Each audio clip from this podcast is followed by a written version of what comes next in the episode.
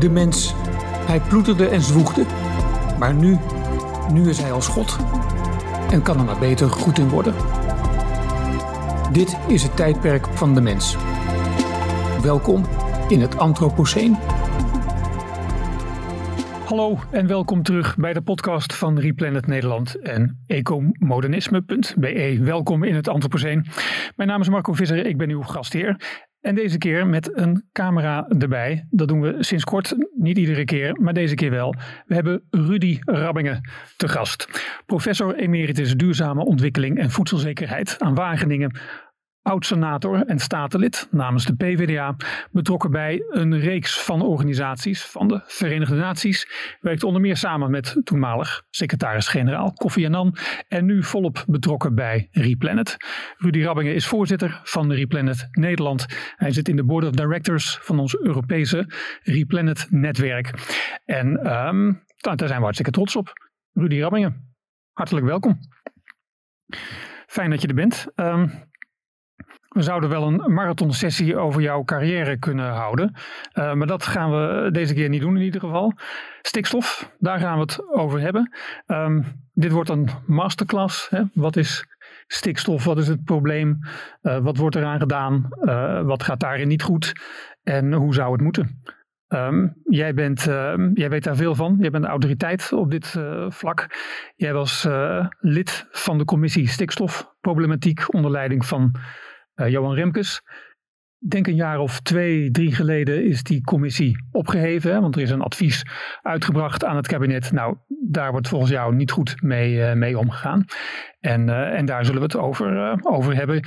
Je schreef dit jaar, ik meen in april, ook een brandbrief aan de verantwoordelijke ministers op dit dossier. En je maakt je druk over hoe het over hoe er in Nederland met de stikstofproblematiek wordt omgegaan. Um, Rudy, laten we beginnen bij het, uh, bij het begin.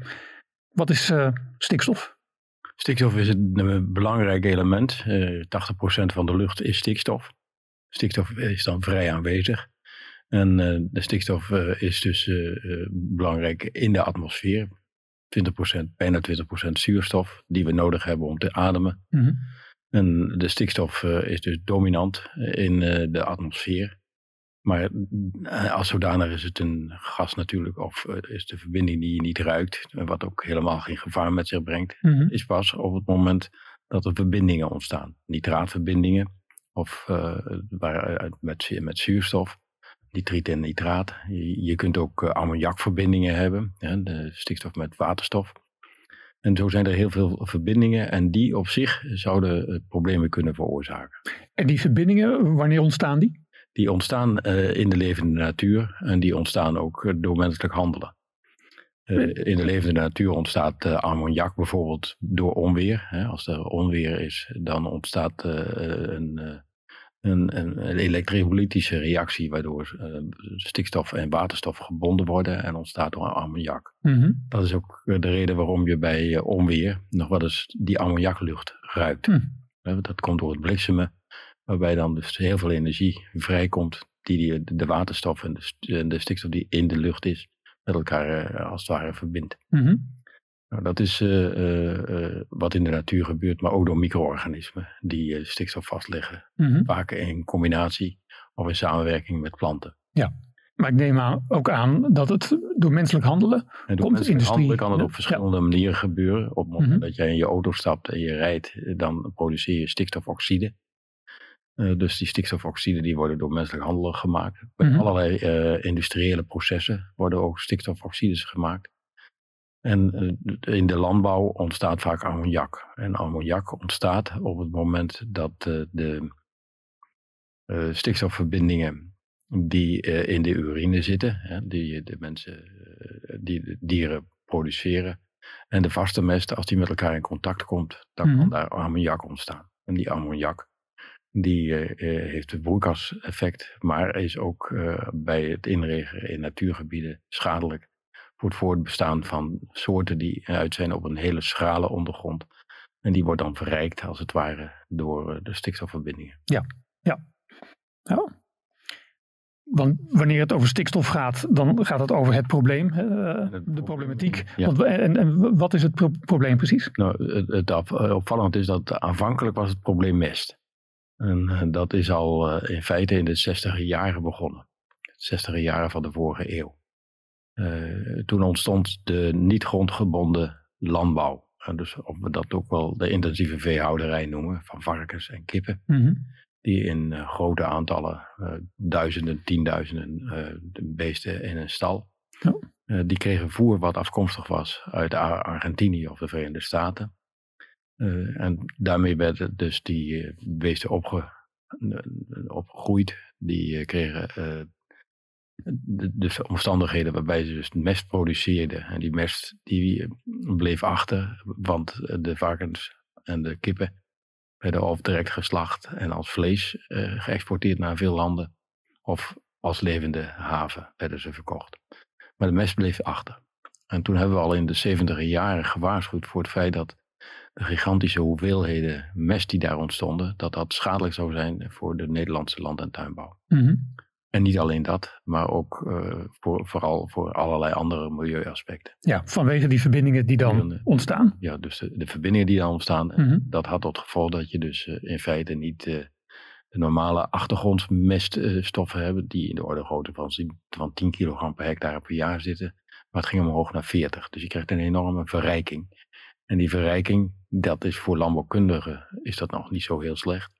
Maar voor uh, de natuurgebieden, waar je op schrale gronden wilde zitten, mm -hmm. is dat wel een probleem. Dus dat heeft tot uh, gevolg gehad dat men zei van ja, je moet daar wat aan doen. Ja, en, en vertel eens, wat is het probleem in die natuurgebieden? Natuurgebieden is dat ze dus uh, de soortenrijkdom wordt voor een belangrijk deel bepaald door de, de schraalheid van de ondergrond. Uh, dus door als, op het moment dat er uh, veel uh, rijkere gronden zijn, dus omdat er veel meer nitraat en mm-hmm. andere stikstofverbindingen in zitten, dat noemen we eutrofiëring van de grond. Die eutrofiëring heeft tot, gevolg, tot gevolg dat wat algemenere soorten die stikstoflievend zijn, om het zo maar te zeggen, mm-hmm. dat die dus de overhand nemen. Ja. Denk dan aan bramen en brandnetels en dergelijke. Mm-hmm. En dat dan de wat schaarsere soorten, die dus uh, uit zijn op een schrale ondergrond, dat die dan het onderspit delen. En dat is de reden waarom in uh, natuurterreinen, niet natuurterreinen in natte gebieden, want daar wordt dat wel geneutraliseerd. Maar vooral in de wat droger zandgronden, dat daar dus de grote problemen ontstaan. Dus denk bij ons in Nederland aan de Veluwe uh, en veel gebieden in Brabant en in Drenthe. Mm -hmm. Maar goed, dan kun je zeggen, nou dan halen we dat spul weg dat zo enorm is gaan woekeren vanwege dit probleem. Maar dan, eh, de natuur kan daar dan toch prima nog, mooi zijn om van te genieten en, en te recreëren. Ja, kijk, eh, maar zo werkt het niet waarschijnlijk. Nee, we hebben ook afspraken gemaakt over het eh, herstel en het in stand houden van natuurgebieden. Dat zijn de afspraken die Nederland als lid van de Europese Unie gemaakt heeft met andere landen. Waarbij dus is gezegd, wij gaan de natuursituatie verbeteren. En dus die eutrofiëring tegen, om daarmee te bewerkstelligen dat de soortenrijkdom dat, zijn dus, dat is dus in feite de flora mhm. eh, eh, beter uh, wordt bediend. En dient ten gevolge ook de fauna. Denk ja. vooral aan, aan insecten en insectenrijkdom en dan vooral de soortenrijkdom. Ja. ja. dus het, het moerasviooltje wat op schrale gronden groeit in, in akkerland. Dat, daar is de wilde maan, dat is een vlindertje wat erop zit. Dat is een, een typisch voorbeeld wat mhm. niet overleeft op het moment dat de gronden wat rijker worden. Ja, ja. En, dus, en, en er zijn natuurlijk meer voorbeelden. Biologen die zullen ze allemaal zo noemen. Mhm. De gemiddelde Nederlander heeft daar uh, eigenlijk uh, weinig verstand van. Maar die ziet dan wel als ze door de natuur lopen, prachtige uh, plantjes. en er zijn mm verbaasd over de soortenrijkdom. Ja. Maar het meeste, voor hen is aantrekkelijk toch wat algemene soorten, zoals bijvoorbeeld de korenbloem en dergelijke. Mm. Ja. Maar de, afspraken die gemaakt zijn in, in Europa, daar moet Nederland zich aan houden. Maar eh, eh, nog even terug naar het aanvankelijke probleem, wat dus het mestprobleem was. Dat mestprobleem dat werd dus aanvankelijk ontkend, gebagatelliseerd. En toen het echt niet anders kon, toen is er een wettelijke maatregel gekomen. Om de subsidies die er waren op die intensieve veehouderij. En die, die subsidies die waren er omdat de kinderrijke Rooms-Katholieke gezinnen in Oost-Brabant de kinderrijke gereformeerde gezinnen in de, in, in, de grote enclave bij de Veluwe. Mhm. Die werden ehm, in staat gesteld toch nog in de landbouw actief te blijven via de intensieve veehouderij. En dus via de niet grondgebonden landbouw. En daar was de overheid, in dit geval de Rooms-Rode coalities, waren er ook op uit dat te bevorderen. Dus die hebben ook die investeringen in de intensieve veehouderij in de 65 jaren en ook nog in de 70 jaren bevorderd. Mhm. Nou, er is dus paal en perk aangesteld om dat niet meer te doen vanaf 1984, interimwet.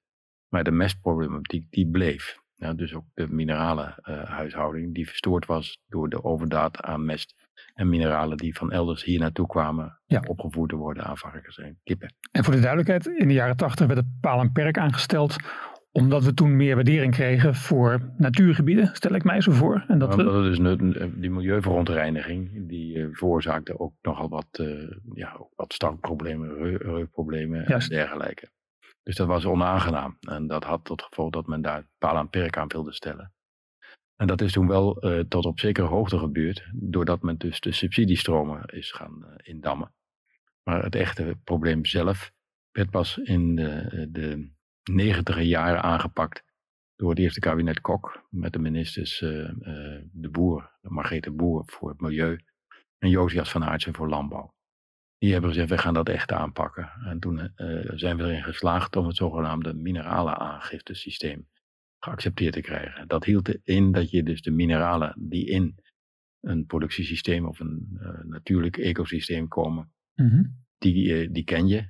En je weet ook wat eruit gaat. Dus bijvoorbeeld bij een, eh, een boer die koe- koeien houdt, dan dan weet hij welke mineralen inkomen als gevolg van eh, binnenkomen als gevolg van krachtvoer. En als gevolg krachtvoer, dus is voer wat je van elders aanhaalt. Mhm. En eh, de mineralen die uit kunstmest afkomstig zijn. En je Want dat is allemaal simpel te berekenen. te berekenen. En dat, precies, En ja. je, kunt, en je kunt zien wat er uitgaat in de Mhm. vorm van vlees en van melk. Ja. En als er dan dus meer ingaat dan er uitgaat, dan is er een milieuprobleem. En dan krijg je een heffing. Al nagelang eh, de eh, overdaad die je hebt, krijg je een hogere heffing. Mhm.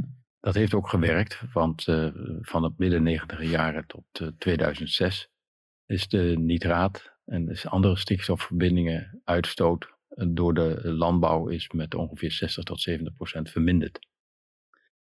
En dat was omdat er dus een heel goed doelvoorschrift was. Het doel was dus het, eh, eh, een sch- een schone productie Mhm. in de zin van dat er geen eh, belasting van het milieu zou Ja. plaatsvinden. Ja, ja.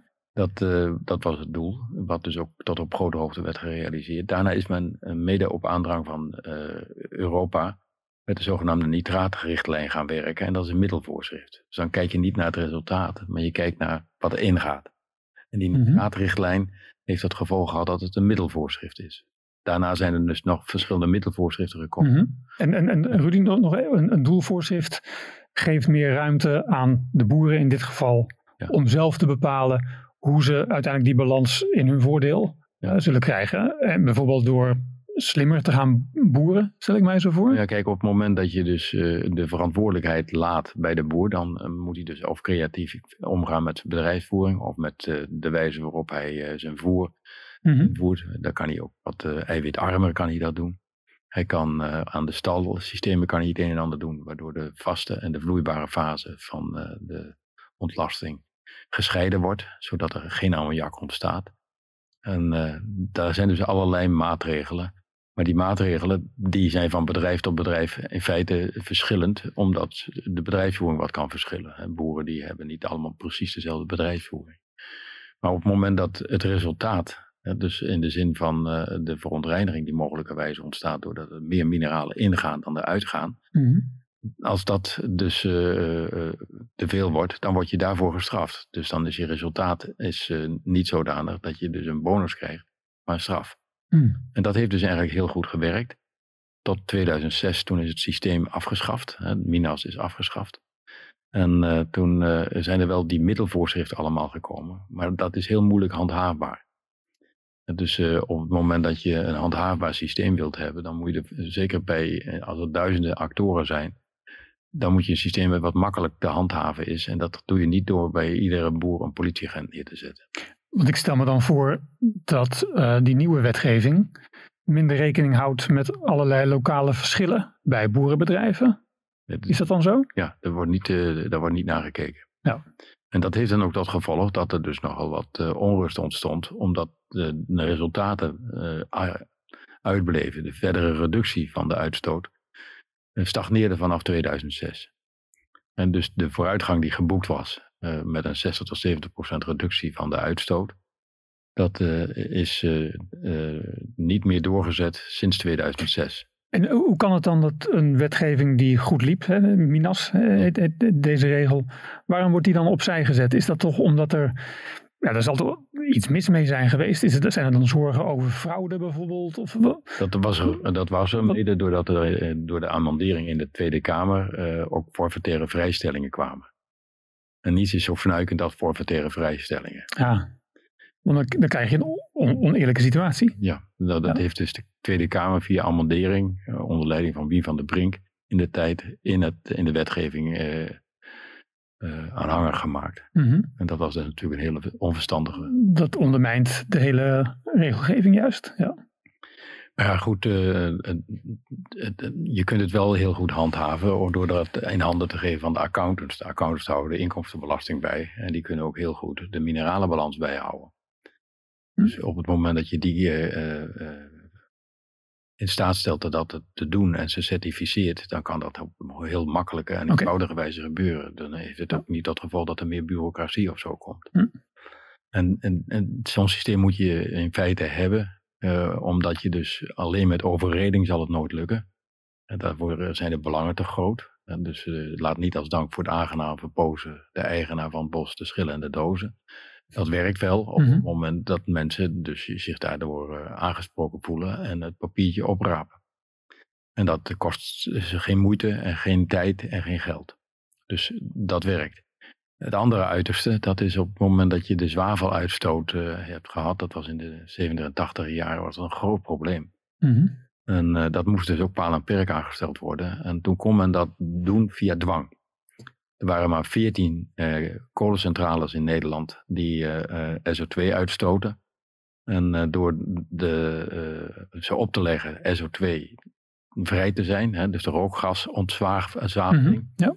Dat kon je gewoon opleggen en 14 bedrijven makkelijk te controleren. Ja. Binnen 10 jaar was het probleem opgelost. Ja, met extra filters die ze moesten installeren bijvoorbeeld. Ja, ja andere te wijze van verbranden, uh, filters mm -hmm. enzovoort. En dat is dus allemaal binnen 10 jaar gerealiseerd. Ja. Dit, maar dat is anders als je te maken hebt met ontelbare boeren. Met duizenden boeren ja. te maken hebt, is dat lastig. Dat kan je niet op die manier doen. Mm -hmm. Dus dan moet je via dat heffingeninstrument, dus een transactie-instrument, uh, moet je doen. Mm. En dat werkte dus. Maar dat is dus afgeschaft. En ja. Uh, nou ja, dus toen heeft de Raad van State in een brief van 29 mei 2019 gezegd van uh, uh, Nederlandse regering, u heeft een verplichting aangegaan op, in Europees verband. U houdt zich daar niet aan, dus de, het natuurherstel en het natuuropwaarde in stand houden, daar heeft u zich toe verplicht. Mm -hmm. Maar u realiseert dat niet. En als u dat niet realiseert, dan leggen wij alle activiteiten waar stikstof bij vrijkomt, of nitraatverbindingen dus, of nitrietverbindingen, waar dat bij vrijkomt, die leggen wij stil. Mm -hmm. ja. ja. En zo is het gebeurd. Ja. Is dat ook, is dat ook billig, zoals dat is gegaan? Het, het klinkt ja. redelijk. Ja, dat was heel redelijk. Ja. Ja, is op het moment dat de regering. Dus toen. Die hebben het zover laten komen dat ja. dit werd afgedwongen. Er voortdurend ja. op door gewaarschuwd. Ja. Uh, instanties die daarvoor geëigend zijn, als de Milieueffectrapportage. Ik was ook uh, vicevoorzitter van de Milieueffectrapportage. We hebben daar bij voortduring op gewezen. Vanuit de wetenschap ook voortdurend artikelen daarover geschreven. Want ik weet nog dat uh, die interimwet van 1984 kwam. En dat was een eerste stapje in de goede richting. En toen zei Gerrit Brax, die zei toen tegen mij, eh, zeg, Rudy, je had ons toch wel eens wat eerder kunnen informeren. Ik zei, ja uh, Gerrit, wij hebben je uh, gewaarschuwd. Ja, ja. Maar early warning werkt alleen als er early listening is. Mm -hmm. en early listening was afwezig. Hij ja. ja, je hebt eigenlijk wel gelijk. Ja, ja, ja. Maar dat is dus wat het probleem is. Dat je dus uh, ziet dat daar dus niks mee gedaan wordt. Dus het beleid doet daar weinig mee. Dus een aantal jaar geleden, alle hens aan dek dit probleem moet uh, onmiddellijk worden opgelost. Ja. En nu zijn we een aantal jaren verder. En zitten we met een, met een boerenopstand, met een, met een verdeeld land ongeveer. Ja, wat er gebeurt is. Wat is er gebeurd? Ja, wat er gebeurd is, is het volgende. Dus de regering werd opgelegd om daar wat aan te doen. En men is dus weer met de traditionele middelvoorschriften gaan werken. Dus stalvoorschriften, voervoorschriften en dergelijke. Waarbij boeren zeiden, dat past niet bij onze bedrijfsvoering. En dat was ook niet handhaafbaar. Dus dat is, daar is geen enkel resultaat mee geboekt. De Tweede Kamer uh, was ook voortdurend zich daar tegenaan aan het bemoeien. En heeft toen gezegd van ja, overheid, u bent kennelijk niet in staat dat zelf op te lossen. Wij willen dat er een commissie komt van onafhankelijke, neutrale personen die uh, daarover adviseert. En toen is de commissie Remkes in het leven geroepen. Ik heb deel uitgemaakt van die commissie Remkes. Eerder had ik natuurlijk van al die andere advieslichamen gebruik, uh, deel uitgemaakt als raadadviseur. Mm En toen in die commissie Remkes hebben we gezegd, nou ja, die stikstofproblematiek, die moeten we dus zowel bij de industrie aanpakken. En dus best technical means wordt voorgeschreven. Uh, de mobiliteit, daar moeten we wat aan doen. 130 maximum snelheid terug naar 100. Dat is ook vrij snel mhm. gebeurd. Mm Ja. En in de landbouw uh, moeten we kijken hoe we daar het probleem het beste aanvatten. En uh, toen uh, hebben we vastgesteld dat het niet zo moet zijn dat naar evenredigheid moet worden bijgedragen, maar op een evenwichtige wijze. Om op een zodanige wijze maatregelen af te kondigen dat ehm, mensen zagen dat het evenwichtig was in de zin mm dat er ook een draagvlak was in de samenleving. Mhm. Inclusief de boeren, ja. die dan ook op een nette manier werden behandeld. Ja, en, en, en Rudy, voordat we dat, dat verder uitwerken, um, als we een stapje terug doen, dan we hebben het over meerdere sectoren namelijk. Hè? Dus de verlaging van de maximumsnelheid op de snelwegen. Ik stel me zo voor dat er allerlei uh, actoren zijn die bijdragen aan die stikstofproblematiek. En de landbouw is er daar één van. Maar is het ook meteen uh, is het ook een hele belangrijke, die wel voor 80% verantwoordelijk is? Of maar een hele kleine? Hoe, hoe moet ik dat ongeveer de landbouw voor me zien? een bijdrage van tussen de 40 en 60%. Dus het is een substantiële bijdrage. Bedankt, het ja. totale probleem. Ja, ja, ja. En 30% komt vanuit het buitenland. Maar wij exporteren net zoveel of meer nog naar het buitenland. Dus, Dan moet je even uitleggen, hoe bedoel je dat? Nou, je hebt dus uh, bijvoorbeeld... Stikstofoxides en ook ammoniak, wat in Duitsland in uh, landbouw en andere systemen wordt geproduceerd en hier naartoe waait. Ah. En, de, en dat is 30% van het totaal. Maar wij exporteren meer naar Duitsland dan Duitsland van ons krijgt. En hoe exporteren wij dat dan? Nou, wij eh, produceren natuurlijk ook een hele hoop stikstofoxide en ammoniak. En dat gaat die, die, die andere kant op waait. Ja, ja, ja oké. Okay. Oké, okay, dat is uiteraard. Dus netto. Uh, Helder, ja netto leveren wij uh, meer verontreiniging aan Duitsland dan Duitsland aan verontreiniging okay. naar ons levert. Oké, oké. En dan heb je nog uh, de wat kleinere uh, componenten, dus zoals de mobiliteit en industriële activiteiten en ook de bouw. Bij al dat soort activiteiten ja. komt ook uh, stikstofverbindingen vrij. Ja. Maar dat ja. zijn geringe hoeveelheden in vergelijking met die twee hoofdcomponenten, de landbouw en wat uit het buitenland komt. Ah, oké. Ja. ja. En bij de mobiliteit was het duidelijk. Maximumsnelheid naar beneden. Bij de bouw werden allerlei bouwprojecten tijdelijk stilgelegd. En, maar daar heb je dus ook weer met best technical means. Mm Kun je dus er ook voor zorgen dat er zo weinig mogelijk per eenheid van product uh, wordt ge, geëmiteerd. Ja. Ja. En dat is in de industrie is dat ook tot op grote hoogte het geval. Maar bijvoorbeeld ook bij de luchthaven hebben we dat expliciet geadresseerd. En dus ook voor Schiphol voorschriften afgekondigd. Ja, ja. En nu weer naar de landbouw, Rudy.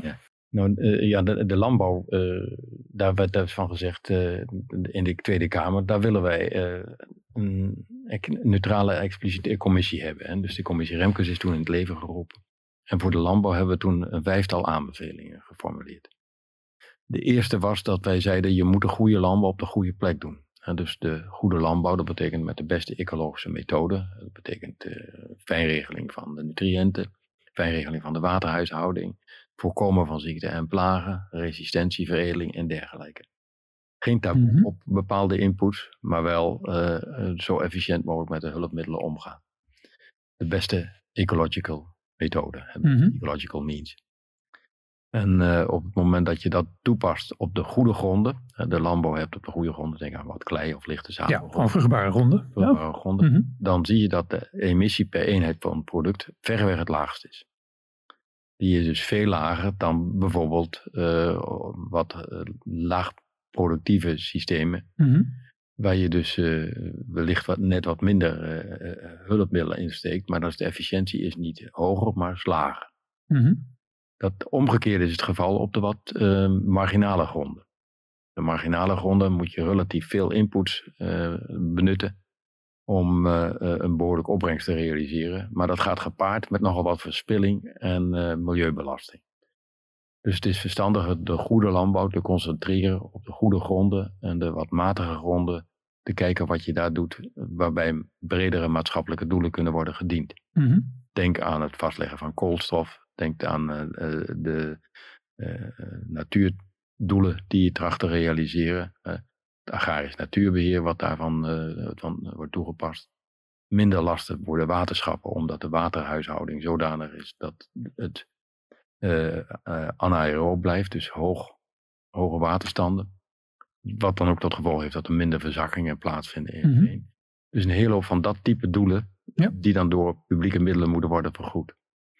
Een melkproducent, een melkveehouder die op goede gronden zit, die krijgt zijn inkomen vrijwel volledig uit de markt. Melk en mm -hmm. producten die hij verkoopt. Of een akkerbouwer die suiker en aardappelen en, friet, en frietjes verkoopt en zo.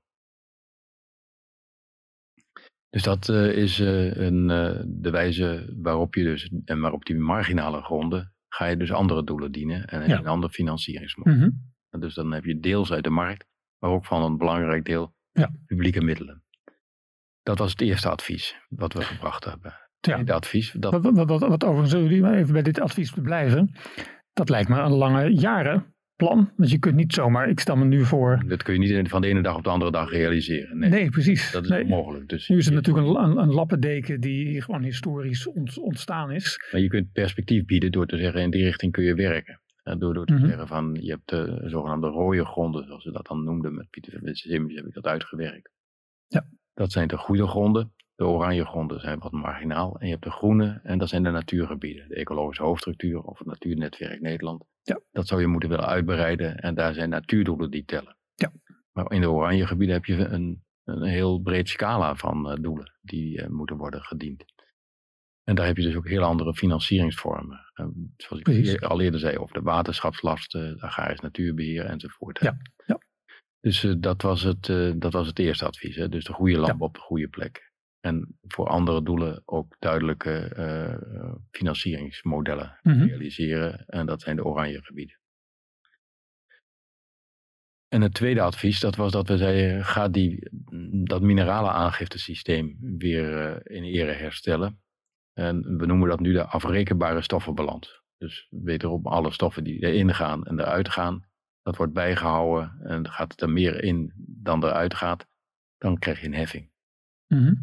En dat de afrekenbare stoffenbalans eh, is er dus vooral op uit om eh, precisie en eh, geavanceerde methoden te bevorderen. En daarmee de innovatie enorm te stimuleren. Dat is eigenlijk weer teruggrijpen naar het oude Minas-systeem. Ja. Precies. Alleen in een gemoderniseerde vorm.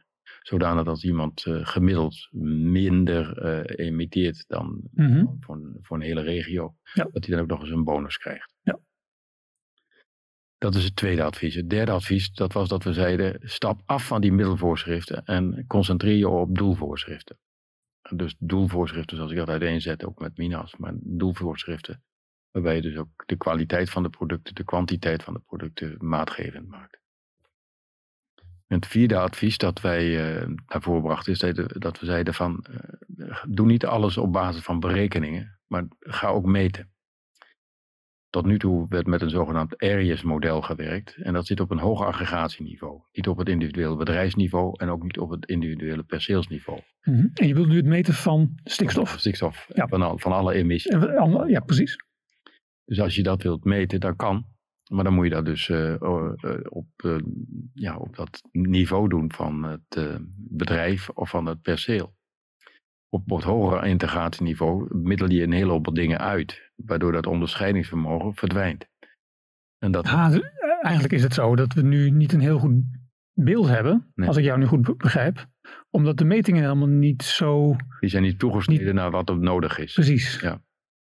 Dus dat moest, eh, hebben we gezegd, dat moet verbeterd worden. Zodat je dus eh, kunt zeggen, nou, boer A woont in de regio C en die heeft die en die percelen. En met die percelen is dit en dat aan de hand. En dat heeft tot gevolg dat die dient ten gevolge een, een vervuiling realiseert. Mhm. Die moet worden afgestraft met de heffing. Ja, maar het kan ook zijn dat er boerenbedrijven zijn die helemaal niet bijdragen aan dit probleem. Nee, die- omdat ze veel verder van natuurgebieden ja. afzitten bijvoorbeeld. Ja. Ja. Ah. Dat, is het, eh, dat was het, eh, het eh, vierde advies. En dus de middelvoorschriften en, eh, en dat meten en eh, niet Ja. alleen rekenen. En het vijfde advies dat was dat we zeiden, ja, in een aantal gevallen zijn de problemen zo groot, dat ga je niet meer zo eventjes oplossen. Dan moet je kijken of je niet eh, eh, gaat uitkopen. Dan wel dat je dus eh, boeren die willen stoppen, omdat ze ouder dan 57 zijn en geen bedrijf opvolgen, dat je ze behulpzaam bent bij een sociaal acceptabele Ja. uitstap uit de landbouw. Dat hebben we dus, eh, eh, en het kan ook zijn dat ze de bedrijven verplaatsen, of dat ze toch nog technologische in- inter- interventies of innovaties plegen. Maar het gaat erom dat je daar, daar dan ook een eh, materiële middelen voor beschikbaar hebt om dat te realiseren.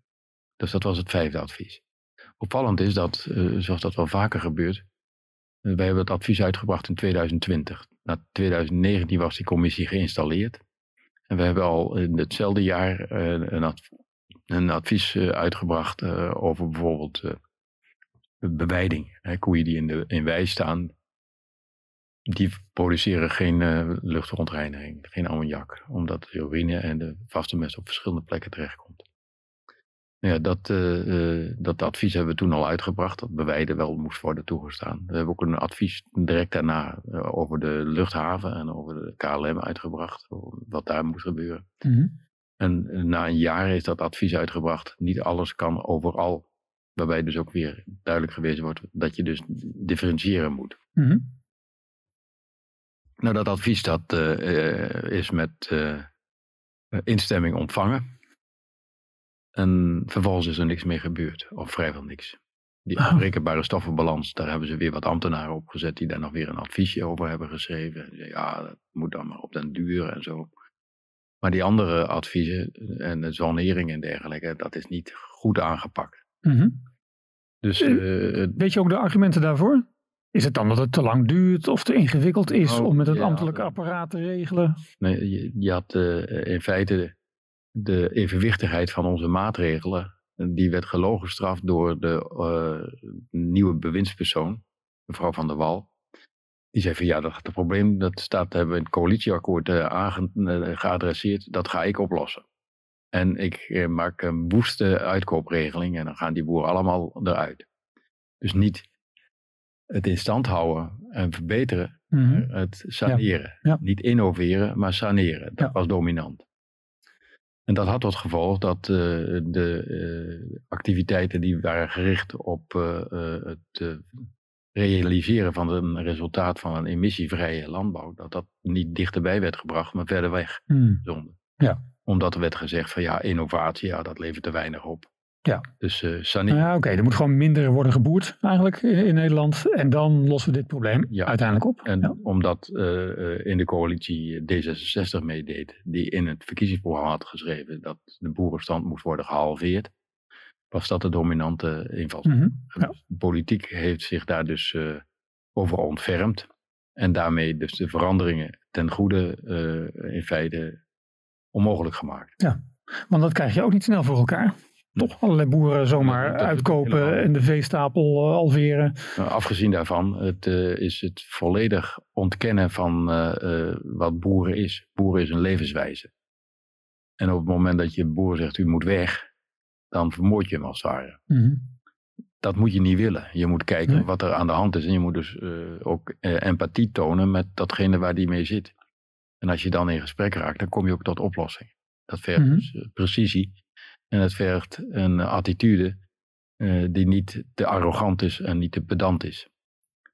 Dat Ja. laatste is fel het geval voor eh, menig politicus, maar ook menig persoon uit de, uit de, uit de, de, de schrijvende en, en, de, en de andere pers. Ja, daar eh, is ook Ja. een dominante, eh, denigerende houding ten aanzien van Ja. de boerenstand. Ja, er wordt wat op neergekeken. Neergekeken. Ja. Was dat niet altijd al Dat is zo? altijd al zo. Ik kan me nog herinneren dat mijn opoe altijd heel boos was. Dan stond er in de krant eh, dat er was een ongeluk gebeurd en er waren twee mensen en een boer omgekomen. Ach, ja, ja. Ja, Dat was toen tot tijd al. ja. ja. Dus dat, dat is niet nieuw. Nee, nee. Is het dan omdat ook nu bijvoorbeeld de afstand zo groot is tussen de mensen die onze krantenpagina's vullen, zoals ik, eh, en, en, en de mensen die ons eten eh, eh, ja, produceren? Nou, ik weet niet wat precies de reden is, maar het heeft wel tot geval dat je, dat je dus ziet dat er niet begrip is voor de verhouding. En Mhm. ja, goed, omdat dat dus volledig uit de hand liep en dus de boeren zich ook gingen verzetten tegen die uitkoopregelingen en het onteigenen en dergelijke. Ja. Wat trouwens nog van geen kant gelukt is, maar goed, eh, de bedreiging was al voldoende om ze de straat op te krijgen. En alle ja, bezetting van het Malieveld en allerlei onaangename dingen, doordat ook extremisten zijn die niet Mhm. eens uit de boerenstand afkomstig zijn, maar die eruit zijn op rellen. Ja. Veel van die rellen op Malieveld, maar ook eh, bij de, de minister eh, voor de deur. Mhm. Ja. Door mensen die niks met landbouw te maken hadden. Ja. Zo gaat dat dan. Maar dat had, dat had de, de overheid kunnen voorkomen door op een verstandige wijze eh, met de boer om te gaan. Dus ik heb dat zelf wel gedaan door zo voortdurend ook te bemiddelen. En ik had ook heel veel vertrouwen van de boerenstand. Maar jij, jij kent ze ook. Je, Ik je, ken ze ook. je- je kent hun Midden- vak. ja. Ja. Maar goed, dat is dus niet gebeurd. En eh, dus omdat het allemaal spaak liep, toen is er op goed moment Remkes weer ingeschakeld. Remkes die dus weer in feite de afstand tussen de boerenstand en eh, de overheid Mhm. moest in kaart brengen. En die heeft dus gezegd, ja, ik ben niet alleen een, eh, een, een onafhankelijke voorzitter, ik kom ook met inhoudelijke argumenten en inhoudelijke redenaties. Dus hij heeft, heeft een, eh, een, een brief geschreven van 60 bladzijden, waarin dat allemaal keurig is uitgewerkt. En waarin die de ideeën, zoals ik ze zelf had gelanceerd met Pieter Wensemius, eigenlijk maatgevend waren. Die zijn dus heel erg sterk daarin Ja. verwerkt.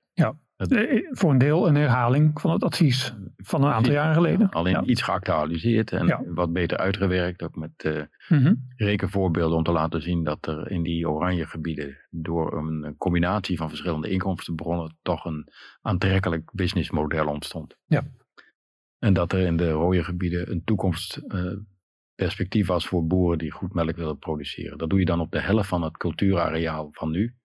Maar eh, met de hogere opbrengsten per hectare en veel hogere opbrengsten per eenheid van externe input die je gebruikt. Dus het is en productiever en schoner. En eh, nou ja, dat eh, perspectief Mhm. wil menig boer aan. Hè? Dus Ja. die fijnregeling, die precisie en dergelijke, dat is zeer gewenst. Mhm. Je hebt dan nu ook wel te maken met lieden die daar niks van moeten weten. Die zeggen het moet allemaal met extensief. Nou, dat kan in de oranje gebieden tot op zekere hoogte het geval zijn, maar in de rode gebieden moet je dat juist niet doen. En die willen dus ook overal eh, eh, in feite zogenaamde agro-ecologische benaderings toepassen. Nou, dat heeft weinig met agro te maken en nog minder met ecologie. Mhm. Maar het is pure ideologie. En die ideologie die is erop gericht om externe inputs onmogelijk te maken. Denk aan kunstmest, denk aan gewasbescherming en dergelijke. Ja. Nu ben ik niet iemand die voorstander is van een overdaad aan meststoffen. Dat hebben we zo geprobeerd zo goed mogelijk te realiseren om dat met zo weinig mogelijk te doen. Mhm. Dat is die best ecological means. Maar een totaal taboe op kunstmest, een totaal taboe op eh, medicijnen, ja, dat is het andere uiterste Mhm. moet je ook weer niet willen. En daar heb je te maken met de biologische landbouw. Dat is de biologische landbouw werkt natuurlijk met heel veel taboes. Dat is niet erg, omdat mensen daar behoefte aan hebben, ook bereid zijn te Ja. betalen. Maar je kunt. Toch, Rudy, om te nuanceren, je zegt taboes, maar het zijn gewoon bepaalde regels die ze willen om de biologische landbouw mogelijk te maken, toch? ja, maar dat is een taboe op bepaalde input. Mhm. En de- Ja. dat zijn de regels die ze hanteren. Tuurlijk, dat ja. komt omdat dat stamt uit begin vorige eeuw. eh, onder leiding van Steiner eh, zijn toen dat soort regels in het leven geroepen. Mhm. Maar Ja. de wetenschappelijke redenatie ontbreekt volledig. Eh, Maar omdat er behoefte is aan de samenleving om dat te doen, heb ik ook al gezegd, dan moet je het zo goed mogelijk doen. De randvoorwaarden zijn irrationeel en eh, verschrikkelijk lastig. Maar je kunt binnen die randvoorwaarden wel proberen het een en ander voor elkaar te krijgen. Dus mijn biologische bedrijven waren altijd de beste biologische bedrijven. Maar eh, Wat, wat bedoel je precies als je zegt mijn biologische bedrijven? nou, ik heb proefbedrijven ook eh, met eh, biologische landbouw Ah, mhm. eh, tot stand gebracht. Ja. Als hoogleraar in de tijd. En dus daar hadden we allerlei bedrijfstypen. En dit was er één van. Mhm. En dan eh, zag je dat, eh, Ja, uh, voor het milieu is het niet, niet beter, want best ecological means is veel beter voor het milieu, omdat je selectief kunt toepassen en fijnregeling kunt toepassen. Uh, voor de gezondheid maakt het uh, ook niet uit. Integendeel, vaak blijkt dat in de biologische landbouw ook rassen zijn waar componenten in zitten die schadelijk zijn voor de gezondheid. Hm. En je kunt er de wereld absoluut niet mee voeden. Je kunt er misschien 2 tot 3 miljard mensen mee voeden. Maar op het moment dat jij dus uh, meer mensen hebt, dan moet je ook meer kunstmest gebruiken om die productie op peil te houden. Mm -hmm. ja. ja. Ja. Dus dat is de reden waarom ik zeg van nou ja, uh, die, die, drie claims die deugen niet. Maar op het moment dat mensen zeggen uh, wij willen dat graag, want we worden er gelukkiger door, dan is dat prima. En er gebeuren meer dingen die heel veel geld kosten, waar mensen gelukkig van worden. Dat moet je mm -hmm. vooral doen. Alleen moet je niet de onterechte claims leggen. En dat is de reden waarom ik daar ja. altijd wat kanttekeningen bij heb. Maar goed, terug eventjes naar die stikstofproblematiek. Uh, de Remkes die heeft dus nu wederom die adviezen die we al eerder hadden uitgebracht nog eens een keertje benadrukt. Ja. En gezegd om ruimte te creëren voor de zogenaamde uh, pasvergunningen. Dat zijn boeren die begin deze eeuw uh, ingesprongen zijn op het programma, programmatische aanpak van de stikstof. Die hebben toen uh, een uh, toestemming gekregen om te produceren, maar nooit vergunningen gekregen. Terwijl de overheid ze in feite toe gedwongen had om dat bijna te doen. Dus die moet je dus nu in feite, dat, dat misdragen van de overheid moet er gecompenseerd worden. Door ze wel in staat te stellen dat te doen. Maar dan moet je wel ruimte creëren in termen van stikstofemissie. Mm -hmm. En dat is de reden waarom Remkes zegt van nou dan moeten we de, de piekbelasters, Denk aan een intensieve veehouderijbedrijf met uh, eh, 100.000 kalkoenen direct naast het natuurterrein. Dat moet je dan stopzetten. Tenzij dat bedrijf in staat is nul emissie te hebben. Dus dat, uh, mm-hmm. dat staat in zijn aanbevelingen. Ja, oké, maar dan, dan geef je de boer nog een kans ja. om radicaal te veranderen. Ja, ik kan ook zeggen, toch, ik, ik ja. pak mijn boeltje op en ik ga elders verder. Ja. Ja, dus, ja okay. Uitplaatsen. Ja en, er, en elders inplaatsen. Dat kan.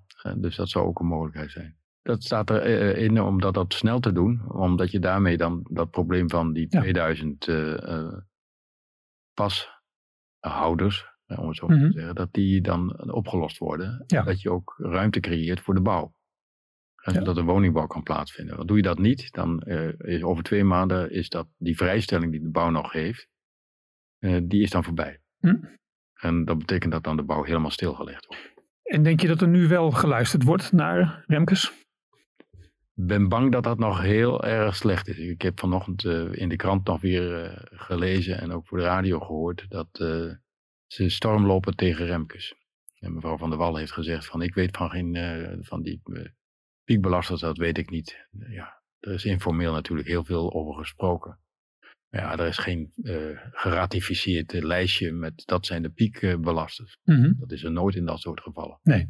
Want nee. in het beleid ben je altijd bezig om te kijken hoe je dat zo goed mogelijk met onderhandeling ja. voor elkaar kan krijgen. Maar dan klinkt het, dat, klinkt in mijn oren als een politicus die inzoomt op een detail om niet over het grote plaatje te spreken. Dat is precies waar, wat gebeurt. Ja. Dat is ja. precies wat gebeurt. Ze zoomt voortdurend in op uh, details en uh, maakt daar een enorm punt van. Maar het grote uh, punt wat gemaakt is om te veranderen, dat wordt dus mm -hmm. verwaarloosd, wordt ontkend. Ja. ja. En dat is een ernstige situatie, want dat heeft natuurlijk tot gevolg dat niet alleen dit specifieke probleem uh, problemen wordt veroorzaakt, maar ook dat het vertrouwen in de overheid daarmee wordt geschaad. Ja, vertel, vertel eens meer daarover. Maar wat je ziet is dat uh, door de, de agrarische sector is door de bank genomen, is ook krachtig geworden door altijd publiek-private uh, samenwerking. Dat is al sinds 1870 is dat het geval. Toen zijn de eerste coöperaties gestart om concurrentiekracht te versterken. Is de ruilverkaveling gestart en de kennisinstelling Wageningen is in het leven geroepen. En dat was een verschrikkelijk verstandige beslissing toen de tijd, want dat is daarna steeds zo herhaald. Dat verklaart in feite die waanzinnig goede agrarische positie mm-hmm. op de handelsbalans, uh, op uh, de, de, wijze van produceren, het schone produceren, wat, wat Nederland kan, in vergelijking met omringende landen. Engeland wat altijd alleen maar in marktwerking geloofde, Duitsers en Fransen in uh, bescherming met heffingen en dergelijke, en de Nederlanders altijd inzetten op innovatie, concurrentiekrachtversterking, door innovatie en dat door publiek-private Mhm. investeringen. Dat heeft eh, ons eh, eh, heel veel gebracht. Want Mhm. 30% van onze handelsbalans is agrarisch. Ja. Wij zijn de tweede agrarische natie van de wereld. En alleen de Verenigde Staten is groter met 157 miljard export. Nederland 110 miljard.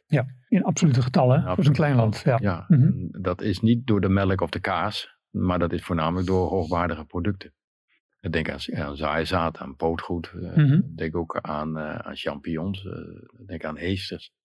Ja. En het denkt ook aan vooral ook de wijze waarop het georganiseerd is. De Ja. logistiek en eh, al Ja. dat soort eh, kennis. Maar goed, je, kun- je kunt zeggen, ehm, dat is geweest. Nederland heeft niet eh, de verantwoordelijkheid om zoveel voedsel te produceren op de wereldmarkt. Het opvallende is, wij, van het voedsel wat wij in Nederland consumeren, is nog niet de helft uit Nederland afkomstig. Meer Mhm. komt uit het buitenland. Of je nou denkt, als je brood zit te eten, dan komt dat te gaan uit Frankrijk. Al- Als jij vlees eet, dan komt een deel van het vlees ook uit Argentinië. Mhm. Maar goed, eh, dus, maar Nederland heeft ook een enorme export van hoogwaardige producten. 30% van de tuinboozaden in de wereld komt uit Nederland. 50% van de poodaardappelen in de wereld komt uit Nederland. En dus Nederland heeft dus een export van heel hoogwaardige producten. Mhm. En eh, dat verklaart dus die enorme eh, bijdrage aan de betalingsbalans en de handelsbalans. Is het misschien ook zo dat minister Van der Wal een beetje in een lastige positie zit, eigenlijk het hele kabinet in een lastige positie zit, omdat er hier niet één minister verantwoordelijk is, niet alleen zij, minister van Natuur en Stikstof, maar we hebben ook een landbouwminister. En die moeten wel toch samenwerken op dit terrein, lijkt me. En, en er is gewoon een conflict tussen die twee. Ja, binnen het ministerie heb je ook twee directeuren-generaal die elkaar bevechten. Dus, eh, dat, eh, maar dat had je kunnen doorbreken door op een andere manier te werken. En eh, wat dat betreft kan ik nog een keertje Margrethe Boer en Josias van Aartsen aanhalen toen Mhm. minister werden. Josias die zei van ja, ik ken de ambtenarij ken ik verschrikkelijk goed. Dus ik weet hoe je daarmee om moet gaan. En de politiek ken ik ook goed, want zijn vader was ook minister geweest. Dus dat had hij als het ware met, ik zeg het dan in dit geval, die was minister van de ARP, met die jenever ingegoten gekregen.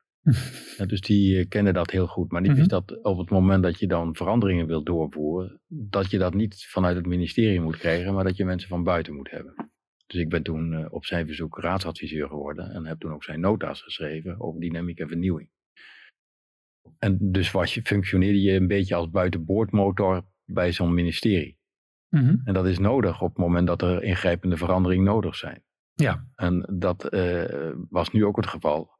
Mevrouw van der Wal heeft eh, voor aanbiedingen om advies te geven en dergelijke nooit gebruik gemaakt. Pieter Winsemius, dat is niet de eerste, de beste. En ikzelf hebben tot bij herhaling hebben we onze diensten aangeboden, hebben we stukken Mhm. geschreven.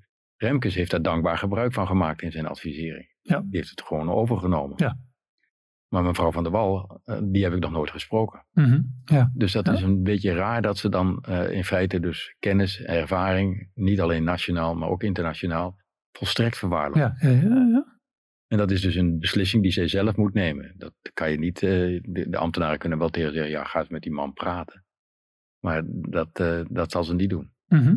Maar het is interessant hè, wat je zegt. Josias van Aartsen zie ik nu ook niet meteen voor me als iemand die heel populair bij boeren zou zijn. Gewoon Mm. vanwege de flamboyante pakken Ja. die hij droeg. Hij praatte natuurlijk totaal niet als een boer praat. Maar kennelijk was van Aartsen zich daar heel erg van bewust. Ja. En organiseerde hij het zo dat zijn beleid werd gedragen door de boeren die hij, nou ja, eh, wie zijn hij te maken had en hij moest ook ondankbare beslissingen aankondigen. En dat heeft hij ook gedaan. Maar hij stond voor zijn zaak en hij wist precies waar het over ging. Juist. En eh, hij had ook de goede adviseurs in dienst. Juist. En nu is het, wat er is veranderd in die, wat is het, 25 jaar, Ja. is dat de politiek veel meer in zijn eigen schulp is gaan kruipen eigenlijk. Ja. En de experts buiten wil houden. Experts die gewoon landbouw-experts zijn. En in aanzien staan bij de boeren. Nou, Wat ze doen is dat ze dus gekleurde eh, experts inhuren. Eh, pseudo-wetenschappers die dus ook eh, allemaal ellende voorspellen. Ja, vertel over wie heb je het? Nou, nou, Namen, je- rugnummers. Nou, je hebt hier natuurlijk in, in Nederland heb je dus een groep die zegt dat ze de ecologie dienen en dat ze daar ook verstand van hebben, die dus ook uh, heel erg gericht zijn op die uh, ideologie van het niet benutten van externe input. Mm ja. Die uh, in feite in de landbouw, landbouw willen, die teruggaat naar ja, de romantische tijd die nooit bestaan heeft.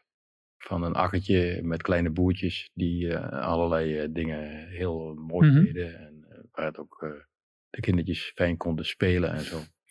Dat is een, eh, een eh, ideaalbeeld wat nooit bestaan heeft. Het was zwoegen en hard werken. En ik weet dat omdat ik ook uit een boerenfamilie kom. Ja. Eh, nu is het, het werk veel aangenamer geworden. Veel meer geburgerd op kennis en inzichten. En het is op een, een veel productietechnisch geavanceerde wijze, maar ook vooral Oh ja. milieutechnisch geavanceerde wijze. Ja, dat is iets wat, wat je, je moet onderkennen en waar je dus ook gebruik van moet maken. Mhm, mhm. En niet net doen alsof eh, die boeren alleen maar platte belangen behartigen. En in de keuze van de experts naar wie wordt geluisterd, Ja. wordt al bij voorbaat een keuze gemaakt, zeg jij eigenlijk. Door te kiezen voor experts die veel meer in de hoek zitten van wat volgens mij agro-ecologie heet. Ja, Een ja. woord waar jij volgens mij een eh, schurfthekel aan, eh, aan hebt. Ja, ik Ja. vind de agroecologie vind ik een prachtig woord. Waar het niet dat het is ingepikt door een groep die ideologisch zijn. Want de agroecologie, dat is de ecologie van, eh, van landbouwsystemen. Mhm, Ja, Nou, het is ontzettend belangrijk dat, eh, Juist. en ik beschouw me ook als een, eh, als een deskundige op dat gebied als productie-ecoloog. Mhm, 40 jaar hoogleraar geweest, heb dat gedoseerd. Eh, waarbij je de fysische, chemische, fysiologische en biologische verschijnselen begrijpt en integreert op een zodanige wijze dat je kunt bepalen wat waar het beste kan. Maar dat is een kennisgebied wat ik tot ontwikkeling heb gebracht, wat Mhm. integrerend van, van aard is. Mhm, Maar dus je heel erg sterk steunt op die eh, basisprocessen die uit de fysica en eh, eh, de chemie afkomstig zijn en die je kunt kwantificeren en in beeld brengen. mhm, ja. ja. En, en nu wordt het woord gekaapt eigenlijk, zeg jij, door een bepaalde hoek waarmee jij niet direct de meeste Ja, affiniteit We hebt. hebben daar natuurlijk heel veel mee te maken. Hè. Bij Replanet is natuurlijk eigenlijk al door gericht op dat in beeld te brengen. Om te zeggen van we moeten verstandig met onze dingen omgaan.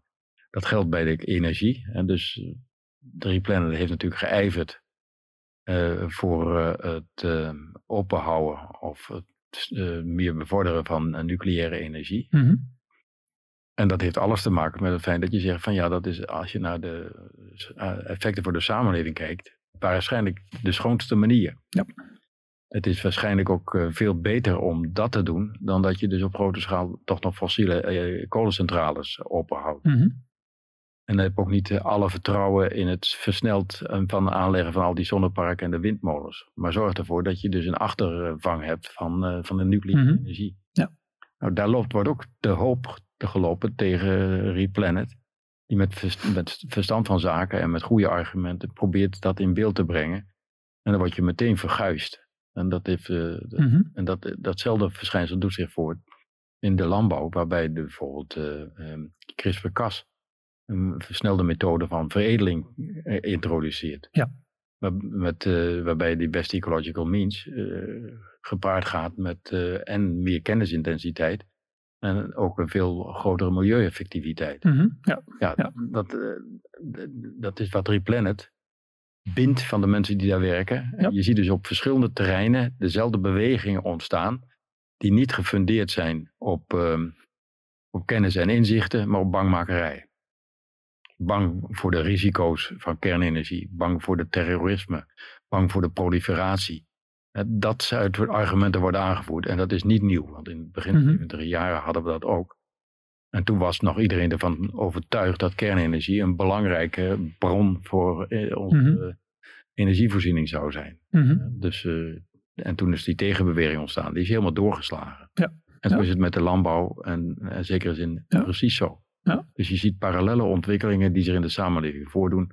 En het is gelukkig en fantastisch dat eh, de ecomodernisten en eh, de Replanet daar stelling tegen neemt. mhm. En probeert alternatieven aan te dragen. En probeert ook op een verstandige manier daarover te redeneren. En eh, tot oplossingen te komen en aanbevelingen. Amen, eh, Rudy. Ja. Stel Rudy, ik wil, ik wil afronden met, met een vraag. Stel jij mag de ministersploeg uh, te woord staan bij hun overleg. En jij neemt het woord en jij vertelt hun wat er nu moet gebeuren om dit akelige probleem gewoon voor eens en altijd op te lossen. Wat zeg jij dan? Nou, dan zeg ik, uh, zorg ervoor dat je kennis en innovatie centraal stelt. En daarvoor uh, geeft hij de opdracht dat uh, er milieuvriendelijk en milieuveilig wordt geproduceerd. Dat kan. Dat willen we. benut dan de instrumenten die daartoe allemaal beschikbaar zijn. Het vergt niet veel nieuwe dingen. Het vergt vooral het kiezen. Kiezen van de goede landbouw, de goede gronden. Kiezen van het andere verdienmodellen op de wat matige gronden. En zorgt er vooral voor uh, dat uh, de samenleving, inclusief de boerensamenleving, meegenomen wordt in die veranderingsprocessen. Sterker zelfs, dat je ze daar de leiding in geeft. Juist. En laat ze deze keer luisteren. Ja, wie weet. Hè? Rudy Rabbingen. Ja. Heel erg bedankt dat je vandaag onze gast was. In, uh, in welkom in het, uh, in het Anthropocene, onze podcast. En u luisteraar en kijker, bedankt voor het luisteren en of kijken. Um, abonneer u op ons kanaal op YouTube, Spotify of Soundcloud of andere platforms voor podcast. Welkom in het Anthropocene. Um, onder onze oude naam Studio Ecomodernisme zijn ook onze oude podcast te vinden. Deze podcast is een samenwerking van Replanet Nederland en ecomodernisme.be. Met dank aan aan Roman van Ree voor de techniek. En graag tot een volgende keer.